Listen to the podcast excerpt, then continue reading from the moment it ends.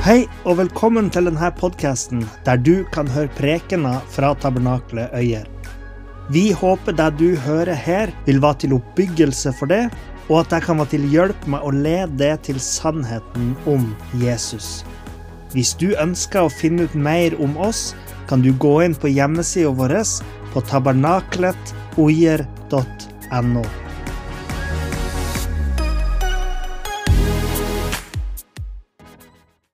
Ja, vi har jo holdt på med denne serien om profetien om Messias i mange uker, vet dere. Eh, eller mange av dere vet det. Eh, og vi har egentlig en del igjen, for den er helt ferdig. Eh, men den skal vi ta forhåpentligvis om noen uker. Før vi kommer dit, så begynner vi da på denne litt mindre serien som jeg har kalt for ørkenvandring. Og jeg tror at det er et tema som er fint for oss å snakke om det å gå gjennom ei tørketid. Og eh, For ei uke eller to siden så fikk jeg for meg at jeg ville spørre dere i menigheten hvorfor er dere her? Ikke fordi jeg ikke vil ha dere her, men fordi jeg vil at dere skal tenke over det spørsmålet. Hvorfor er dere her? Hvorfor har dere kommet til menigheten? Hvorfor går dere på gudstjeneste? Hvorfor vil dere bruke søndag kveld eller søndag formiddag her eller fredag kveld for dere ungdommer? Jeg har tenkt på det her mange ganger før opp gjennom livet. En gang jeg snakka på julaften i en menighet, så, så spurte jeg hvorfor, hvorfor, de kom dit. Er det pga. tradisjon og vane liksom, at man kommer til menigheter? Eh, eller er det fordi at man faktisk vil, eh, man kommer dit fordi man gleder seg til å få noe bra? da? Og Det er jo en ting man må spørre seg om, og det kan jo være en blanding noen gang, at man har kommet til menigheter både av tradisjon og vane. og det er ikke noe gærent med det. Så En søndag så går du for at du bare er vant med å gå til menigheter på søndag. Andre gang så går, går du kanskje med en helt spesiell forventning. Du kjenner i dag så gleder jeg meg til å komme på, på møte, for jeg tror at Gud kan gi meg noen ting. Og jeg tror det selv om jeg kanskje ikke alltid føler det, så tror jeg alltid at når jeg kommer hit, og når dere kommer hit, så kan Gud møte dere. Eh, og jeg tror at gjennom musikken vi synger her, eh, og gjennom ordene som forkynnes her, så kan Gud ta til oss og gjøre alt levende inni oss. Eh, så, så gleder du deg til å komme hit fordi at menigheten er en oase i livet ditt?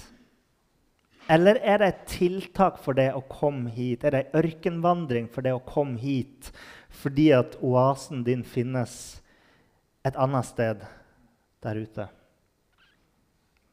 Vi ønsker jo at dette stedet og det å komme til Gud skal være en oase i livet våre.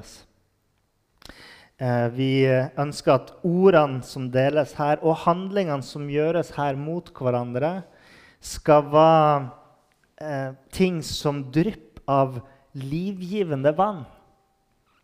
Som kan slukke tørsten vår. Men både personlig og kollektivt som menighet så skjer det noen gang at vi føler at vi går gjennom en ørken, en tørketid. Jeg skal snakke mer om hva jeg mener med det. Ta f.eks. denne pandemitida, koronapandemien. Eh, det har vært eh, ei tid der jeg som pastor har følt at det har vært litt som ei ørkenvandring. Med avlyste arrangement, mindre ting som har skjedd i menigheten. Mindre møtepunkt, mindre sosialt. Eh, mindre åndelig fellesskap generelt. Vi har vært delt opp i mindre grupper, familier, husholdninger eller husstander. Og jeg er sikker på at mange andre her har følt på noe av det samme. Noen har kanskje kjent på denne personlige ørkenvandringa òg i pandemitida. Noen har vært ensom. Mange har blitt permittert. Mange har vært isolert. Noen har vært syke. Um, noen har slitt økonomisk. Uh, jeg hører snakk om at at man mistenker eller antar at det er mer vold i hjemmene nå enn før. Dette er sånne ting som gjør at man, man kjenner på denne ørkenvandringa. Det gjelder jo ikke bare i pandemien, men det gjelder jo ellers òg. Hysj! Makan. Er du ferdig? Nei, jeg tuller.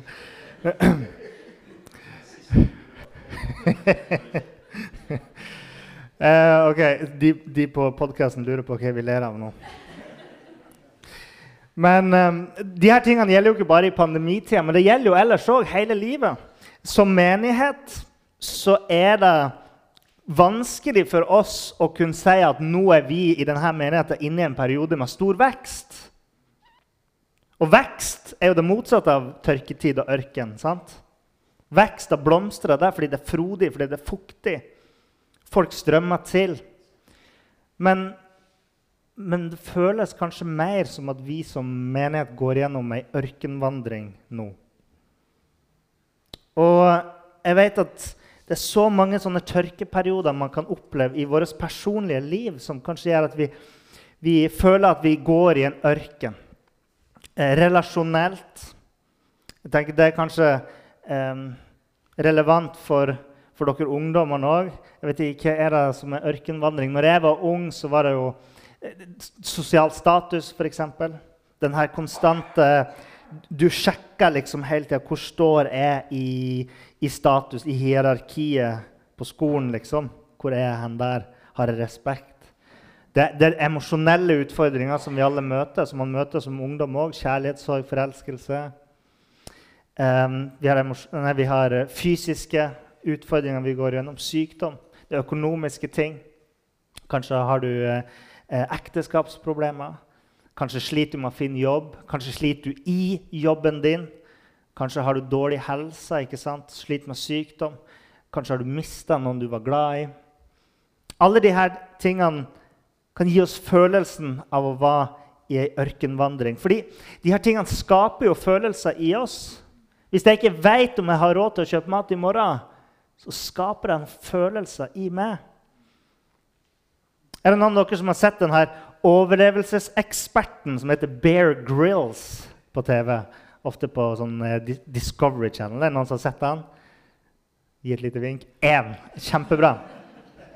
Det er kult, for da vet jeg at dere som menighet vet hva jeg snakker om. Så det her er en fyr som reiser rundt i verden, da, og, og liksom, de bare dropper han eh, midt ute i ødemarka, og sånt, og så skal han overleve på egentlig ingenting. da, Overlevelsesekspert. Så, så, han er liksom sånn, Du slipper han ut i ørkenen, så er han sånn Ikke noe problem, så her kan du spise kaktus. Mm, og drikke sand. Ikke sant? Så masse mineraler i sand som man bare kan leve lenge på. Sånn vil jo han si. Han er optimist. sant? Eh, så når de fleste andre vil kjenne at det er håpløst, så holder han humøret oppe fordi han ser masse muligheter som folk ellers ikke ser i ørkenen. Uh, der jeg ville ha stått midt i skogen og tenkt sånn Å, kjære tid, jeg kommer til å dø. Jeg har ikke noe mat, jeg har ikke noe å drikke. Så kommer han inn og sier Wow, sjekk all den barken på det treet der som jeg kan spise. Jeg kan ha mat hele dagen, liksom. Og se her, hvis jeg tar og klemmer den mosen, så kan jeg jo drikke mosesaft når jeg skrev de notatene mine, så sa datamaskinen min at det fins ikke noe ord som heter mosesaft. Men Bear Grills han, han hadde drukket mosesaft. Men mest av alt så tror jeg denne, de her ørkenvandringene vi er ute på, skaper emosjonelle utfordringer for oss. Ørkenvandringa fremprovoserer eh, uønska følelser i oss som vi må kjempe mot, sånn som eh, frykt, eh, håpløshet, usikkerhet. Og det er jo òg det at vi veldig sjelden planlegger å havne på ei ørkenvandring. Det er jo ikke sånn at vi, vi vil ut i ørken. Eller hvis du syns at håpløshet og frykt og usikkerhet er, er gode følelser, så kanskje vi må ta en prat etterpå. Uh, men det er veldig sjelden at man legger ut på ei ørkenvandring så fremt man ikke er uh, ikke sant, Bear Grills eller Lars Monsen eller, eller, noen av de her polfarerne som har gått over isen der. sant? Vi ønsker ikke å oppleve denne tørka. Vi vil ikke havne i ørken, men plutselig en dag så står vi jo der, om vi vil det eller ei. Og ja, Noen ganger har vi kanskje tatt noen dårlige valg som har leda oss dit. Men det er jo ikke fordi at vi vil møte de her ørkenfølelsene. Så vi skal ha en liten serie om det her der vi skal snakke om personlig ørkenvandring og kollektiv ørkenvandring. Og jeg skal ikke prøve å gi noen konkrete løsninger på eh, hver enkelt sine problem. Da får dere heller komme på besøk på kontoret mitt, så kan vi snakke om det der. Men vi skal prøve å se om det fins noen generelle ting vi kan lære av det å gå i ørken, og om det finnes noe vi kan gjøre med det. Er det noen av dere som har lest alle de fem Mosebøkene? Ja, ja. Er det noen ørkenvandringer der? Ja. Det er jo en veldig stor og kjent ørkenvandring. Kanskje verdens mest kjente ørkenvandring nemlig når israelittene vandra i ørken i 40 år. Og eh, denne ørkenvandringa bød jo på både personlige utfordringer og kollektive utfordringer. Det som var, var at Israel hadde vært slaver i Egypt. Jeg tror de fleste kjenner historien. De hadde vært slaver. Og det hele starta med at Israel, dette folket sin stamfar Jakob eh, måtte emigrere til, eller immigrere i, til Egypt pga. hungersnød i sitt hjemland. Så han var jo allerede i en slags ørkenvandring da han kom til Egypt, fordi de gikk gjennom vanskeligheter i hjemlandet sitt og måtte flykte til Egypt. Egypt. Og så hadde de det bra der eh, til å begynne med. I begynnelsen gikk alt bra, men etter hvert så, så ble det verre. De ble flere og flere, de her israelittene. Og eh, til slutt så, så egypterne på israelittene som en trussel. Og spesielt én farao, typen konge i Egypta, eh, så på de som en stor trussel. og Derfor så bestemte han at de her skulle gjøres til slaver. Og I mange mange år så var de tvunget til å drive med slavearbeid for egypterne. Men en dag så reiste Gud opp en utfrier, en person som skulle utfri Israel fra det her. Og den Historien starta når han er en liten baby. Uh, og farao prøver å utrydde alle guttbabyer. Prøver å sørge for at de blir drept med en gang, de her israelittiske guttbabyene. Men Moses han havna i hendene på ei egyptisk prinsesse, dattera til farao. Han blir adoptert av henne, og han vokser opp i sus og dus og luksus. Men etter hvert som han blir eldre, så ser han på hvordan egypterne behandler slavene sine.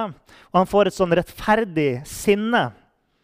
Det er bra å være sint når du ser at folk blir urettferdig behandla. Men så gjør han noe dumt. Han slår i hjel en slavevokter.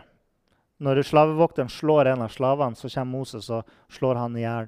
Det fører til at han må rømme fra Egypt, og han drar til Midian. Og Der holder han til i 40 år, inntil Gud kaller på han og ber han om å reise tilbake til Egypt for å utfri folket sitt, israelittene. Og eh, Gud sier til eh, Moses i 2. Mosebok kapittel 3 vers 10.: Du skal føre mitt folk, israelittene, ut av Egypt. Det var budet han fikk. Og etter litt fram og tilbake mellom Gud og Moses, og etter enda litt mer fram og tilbake mellom Moses og farao, så ender det med at israelittene får reise fra Egypt. Og De legger ut på en reise, hele dette folket, mot et ukjent land der ingen av de har vært før. Et land som Gud hadde lova de at de skulle få bo i. Som Gud hadde sagt det kommer til å være bra for dere å være der. Og litt som vi går her nå og venter og gleder oss til at denne koronaperioden skal bli over. Og vi vet ikke helt når det kommer til å skje, når det, blir normalt, eller om ting vil bli som normalt igjen, eller om det vil bli en ny normal som ligger foran oss der framme. Men der gikk de i håp om at ting skulle bli bedre. Kanskje med den litt samme tanken som vi har hatt her. Alt blir bra når vi får gå ut av Egypt. Så de la ut på denne reisen med hele familien sine, med, med eldre, med unger, og med utgangspunktet i dette håpet om at ting skulle bli bedre. Men så snart de hadde reist, så ombestemte farao seg. Tilbake i Egypt så fikk han litt kalde føtter for det her at hvem skal bygge de her idiotiske pyramidene mine nå, da? Det er jo ingen som gidder å hive seg rundt på et sånt dumt prosjekt som å bygge en sånn haug med stein. Eh, så da må vi ha slaver. Så han ombestemte seg. Ok, Det var ikke sånn historien var. Jeg legger til litt mine egne tanker for at det skal være litt morsomt. men...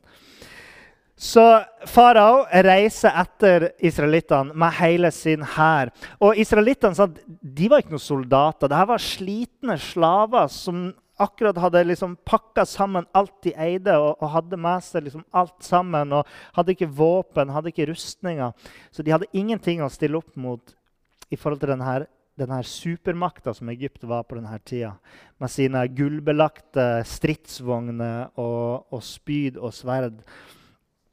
Og, um, så la oss lese hva som skjer da israelittene oppdager at farao kom etter dem. Andre Mosebok kapittel 14 står det i. Andre Mosebok kapittel 14 vers 10 osv. Da farao nærmet seg, nå ser israelittene denne hæren, så israelittene opp og fikk øye på egypterne ja, som kom etter dem. De ble grepet av stor frykt og ropte til Herren. De sa til Moses.: Fantes det ikke graver nok i Egypt, siden du har ført oss ut i ørkenen for å dø? Hør på den sarkasmen der. Fantes det ikke graver nok i Egypt, siden du har ført oss ut i ørkenen for å dø? Så klart, så klart kunne de ha blitt gravlagt i Egypt. De er så sur nå fordi de ser sin kommende dom. Hør fra vers, videre vers 11. Hvorfor har du gjort dette mot oss? Hvorfor førte du oss ut av Egypt? Var det ikke det vi sa til deg i Egypt? La oss få være i fred. Vi vil arbeide for egypterne. Det er bedre for oss å arbeide for dem enn å dø i ørkenen.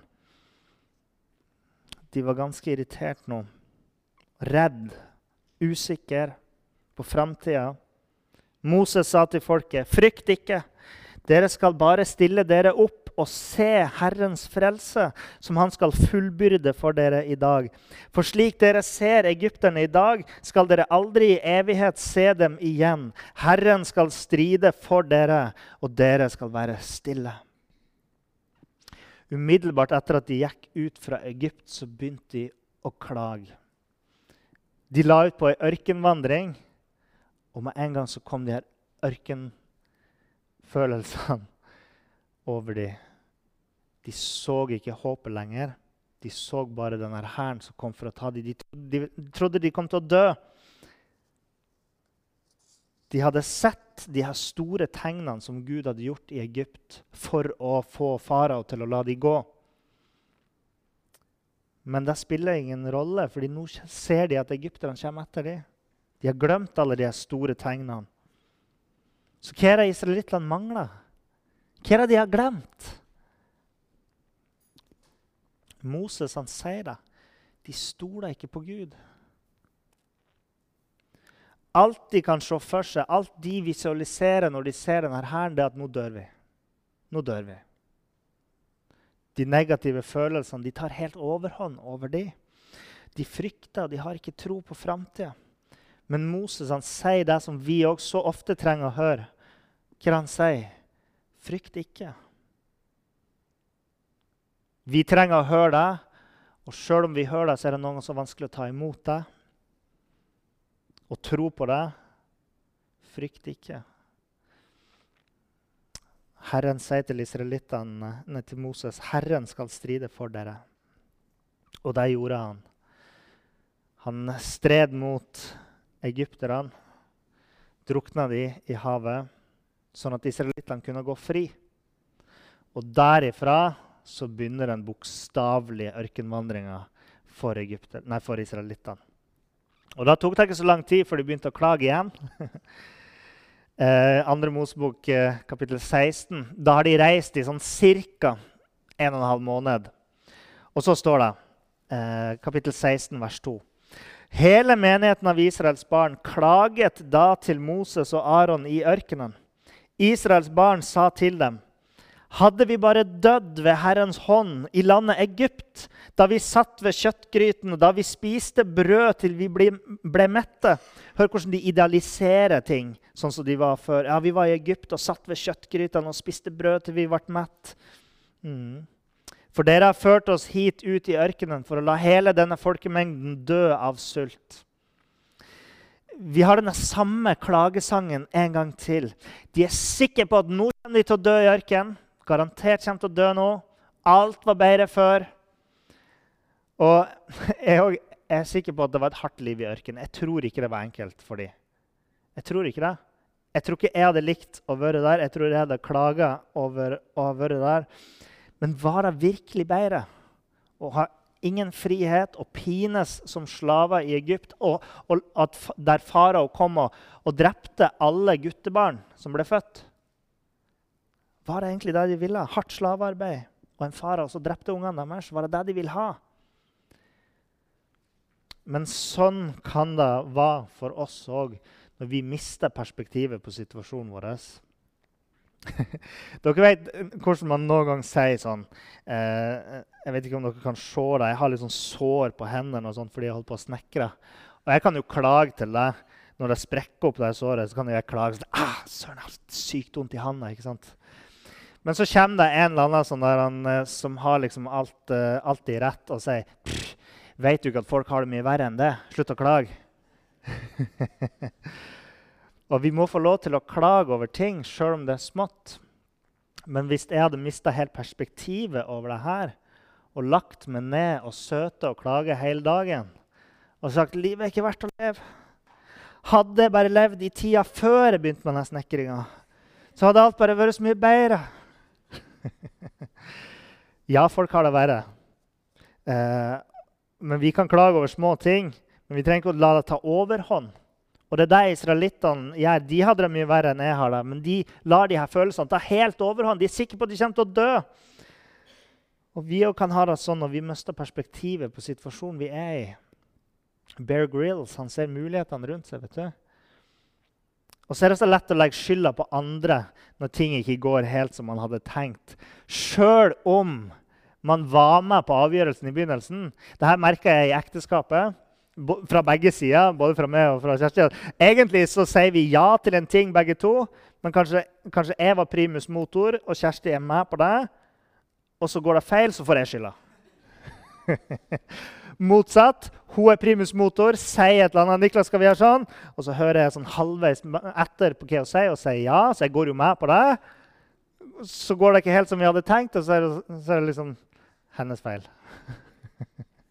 så lett å legge skylda på andre. da. Um, men Gud han ser israelittene, og vi leser fra vers 4. Da sa Herren til Moses.: Se, jeg skal la det regne brød fra himmelen til dere. Folket skal gå ut og samle en viss mengde hver dag, så jeg kan prøve dem og se om de vil vandre etter min lov eller ikke. Nok et under. Det regna manna fra himmelen så de kunne spise. De fikk mat fra Gud. Han sørga for det. De lot seg bli oppslukt av de her negative følelsene, eh, men Gud han sto parat til å hjelpe dem. Jeg vet ikke om du kan kjenne deg igjen i israelittene her. At du kanskje er for rask til å klage. Eh, at du ser det blind på problemer i stedet for å se løsningene. At du heller klager i stedet for å komme til Gud i tro. Jeg vet ikke om dere kjenner dere igjen. Jeg gjør i hvert fall det. Det er ofte lettere å klage over ting. I hvert fall i mellommenneskelige relasjoner. Enklere å klage enn å se muligheter. Gud hadde, han hadde lova å hjelpe israelittene, og han gjorde det nok en gang. Men de hadde fortsatt ikke lært å stole på Gud. Hvis vi leser i neste kapittel, kapittel 17, så leser vi at folket hadde gått videre. De kom til et nytt sted, og dette var et sted der de ikke kunne finne vann. Og vers 3 står det folket tørstet etter vann der. Så folket klaget til Moses og sa, 'Hvorfor har du ført oss opp fra Egypt for å la oss, barna og buskapen vår, dø av tørst?' Igjen, det eneste de fokuserer på, er håpløsheten. Igjen så er det ikke Moses, vi har ikke vann. Kanskje vi burde be til Gud. Men det er liksom helt sånn ekstremt håpløst med en gang. da. Moses, det er din feil at vi kommer til å dø her nå. Hvorfor har du gjort det her? Er du helt og, og jeg tenker noen, Kanskje var det her, begynte med en sånn kjede med klager. Først så har du ei jente ikke sant? Typ sånn, ja, på deres alder. sånn, mamma, jeg er drittørst. Hvorfor måtte dere ta med meg til denne gørrkjedelige ørkenen? Klager til foreldrene. ikke sant? Og foreldrene tar det til følge og går til de eldste. og sier «Åh, 'Hvorfor har dere tatt oss med?' Så dattera vår orker jo ingenting. Hører ikke etter. eller noen ting. Og så går de eldste til Moses. 'Åh, Moses! Hvorfor har du ført oss hit? Vi tørster og dør her, liksom.' Eh, så Moses han kunne ha gått et hakk videre og klager til høyeste instans. sant? Klager til Gud. 'Å, Gud, hvorfor har du gjort det her? Er du helt Sant? Men, eh, men han gjør ikke det. La oss lese hva Moses gjør, for det er forbilledlig for oss alle. Vers 4. Da ropte Moses til Herren og sa, 'Hva skal jeg gjøre med dette folket?' Det er ikke lenge før de steiner meg. Folket de var klar til å drepe Moses. Så lei var de av å vandre gjennom ørkenen. Og um, det sier litt om hvor oppslukt de var av de her negative følelsene. Nå begynte det å, å bli virkelig ille. Det var sinne og hat som, som begynte å vokse i hjertene deres. For det er resultatet noen gang av at vi lar oss fylle opp av de her eh, følelsene som frykt, usikkerhet, håpløshet eh, og angst og depresjon og, og alle sånne følelser som eh, som kan være fin å ha fordi at de kan si noe reelt om situasjonen vi er i, og at vi trenger hjelp. Men hvis vi lar de spise oss opp helt, så kan de føre til at vi begynner å synde. Uh, og det var det som skjedde her. Nå hadde de lyst til å ta livet av Moses. Men Moses han klager ikke til Gud, men han ber om råd. Og han informerer Gud om at nå er det ganske ille. De er på vippet til å til stein med, så, så, det er vondt for meg. Eh, men han er fortsatt langt unna de her anklagende og klagende eh, liksom, utsagnene som israelittene kom til Moses. Ser dere det? Og Gud hadde en løsning. For Moses kommer og spør om råd, og vers 5 så sier Herren eh, til Moses.: Gå fram foran folket og ta med deg noen av de eldste i Israel. I hånden skal du ta med deg staven du brukte da du slo på elven, og så skal du gå. Se, jeg skal stå foran deg der på klippen i Horeb. Du skal slå på klippen, og det skal komme vann ut fra den, så folket skal, kan få drikke. Moses gjorde dette for øynene på de eldste i Israel. Så Gud fridde Israel ut fra slaveriet i Egypt, ga de trygg passasje gjennom havet, overvant egypterne og sørga for mat og drikke i ørkenen. Han passa på dem, sørga for dem hele tida. Eh, men han tok dem ikke ut av ørkenen. Det skal vi merke oss i dag når vi snakker om ørkenvandring. Eh, livet deres var hardt. Det var tøft, det var vanskelig. Jeg har ikke vært i en eh, virkelig ørken, men jeg har sett det på TV, og det er tørt og utrivelig. Um, så det var vanskelig for dem. Og, men gjennom alle de utfordringene så skulle israelittene ha lært noen ting til nå. Og stole på Gud. De har jo sett ting som Gud hadde gjort, som vi bare kan drømme om. De her miraklene og underne. Og se hele Nilen bli gjort om til blod. Det er jo sånne mirakel som vi kanskje aldri får se i vår livstid. Se et hav som blir delt. Dette hadde de sett med sine egne øyne. Allikevel greide de ikke å stole på han. Vet dere at Det er noen folk de, som bruker å si at uh, ja, ja, hvis Gud finnes, hvorfor kan han ikke bare gjøre sånne store mirakel, sånn at vi bare tror på han? Kunne han ikke ha satt et kors oppe på månen eller et eller annet? Men så har vi historier som det her, som viser at selv om Gud hadde gitt sånne store tegn og under, så er det ikke noe garanti for at vi hadde stola på han. Sant? Israelittene så det her, men de stola ikke på han. Og For å fortsette på det her eksempelet med koronapandemien da, så, og For menigheter så har jo det her til tider vært litt som ei ørkenvandring, der vi har måttet tilpasse oss etter forholdene. Og Som pastor så kunne jeg ha vært som israelittene og tenkt at nå går det så dårlig, nå dør vi, nå, nå må vi legge ned menigheten. Det her går ikke. liksom. Eh, jeg kunne gått og vært livredd for at ingen kom til å komme tilbake på møtene når nedstengninga var ferdig. Eh, jeg kunne vært deprimert, jeg kunne løpt våken og tenkt på det her på kveldene liksom, fordi jeg savna fellesskapet. Eh, og ja, jeg tenkte jo mye på det, men, men jeg lot, lot det liksom ikke ta overhånd. Og her er vi jo. vi har overlevd, sant? Hvorfor har vi overlevd ei ørkenvandring? Jo, fordi at i alle og enhver ørkenvandring for oss kristne, så er det Gud som er oasen vår. At vi kan være atskilt fra hverandre og var på en personlig ørkenvandring og kollektiv ørkenvandring. Men hvis vi har en oase i Gud, så kommer vi oss igjennom det. Hvis vi stoler på Han. Israelittene ville ikke lære denne leksa. Stol på Gud. Og jeg ser for meg at um, hvis Jesus hadde vært sammen med dem, så hadde han sagt det samme som han sa til sine disipler. Så treg dere er til å tro. Alt det de her ørkenvandringene gjør med oss, er jo å synliggjøre vårt behov for Gud. De synliggjør vårt behov for Gud. Når vi opplever sånne vanskelige følelser, når vi føler oss utstøtt på skolen, når vi står uten jobb, um, så så synliggjør det vårt behov for Gud som en oase i det hele.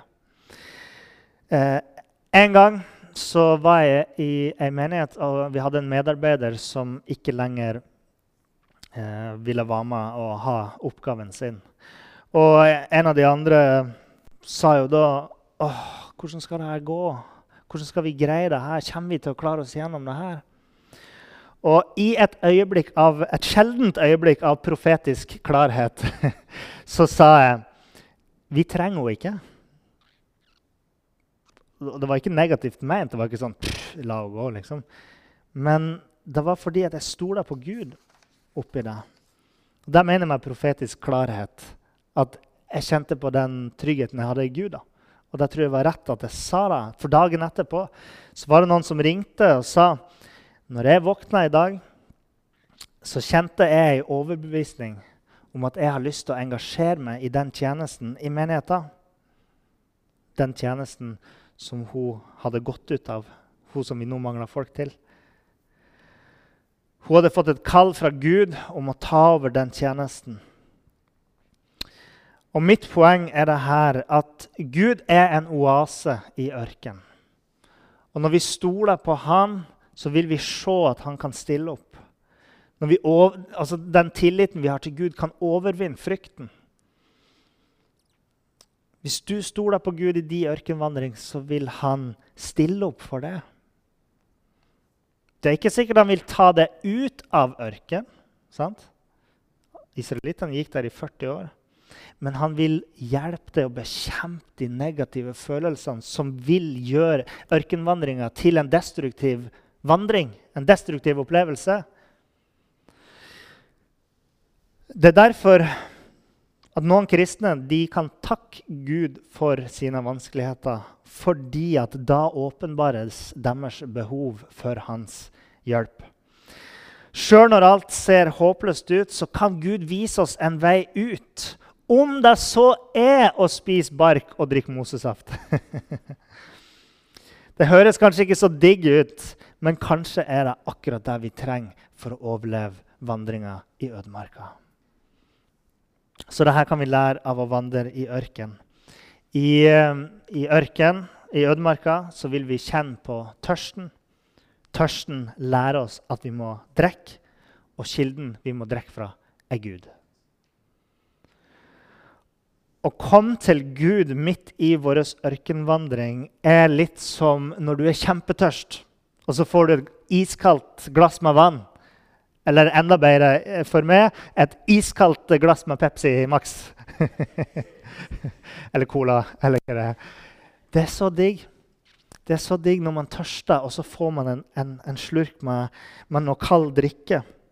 Og Det er ikke uten grunn at Jesus sa de her ordene. Johannes 7, 38. Den som tror på meg, ut fra hans indre skal det, som Skriften har sagt, flyte strømmer av levende vann. Fordi Gud skaper det til og med i oss med sin ånd.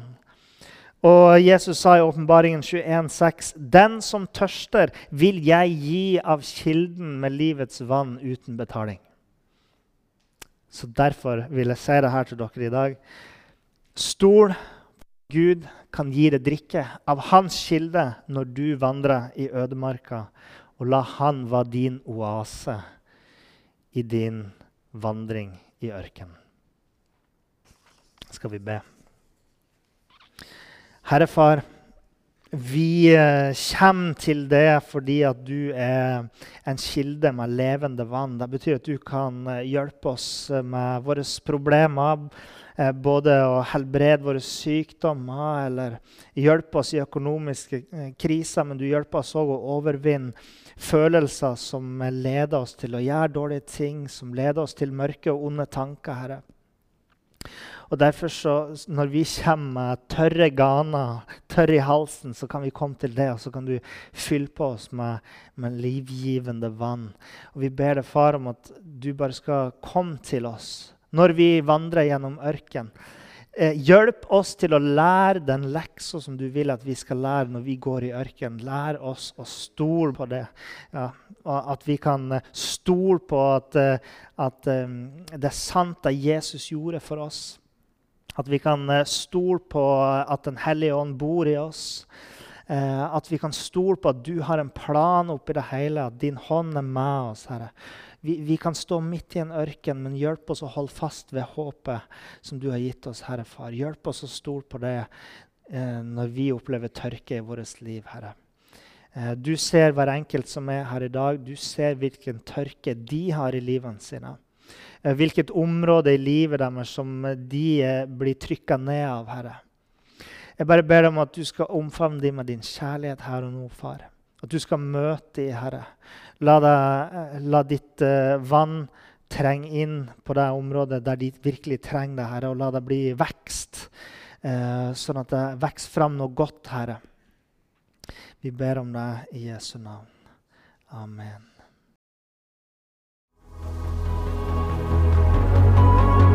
Takk for at du hørte på. Hvis du tok et steg i tro i dag, eller du har noe du ønsker forbønn for, så vil vi gjerne høre ifra det via e-postadressen kontakt alfakrølltabernakletOier.no. Du er òg velkommen til våre ukentlige gudstjenester i menighetslokalet i Haugskutua 5 26 36 Øyer.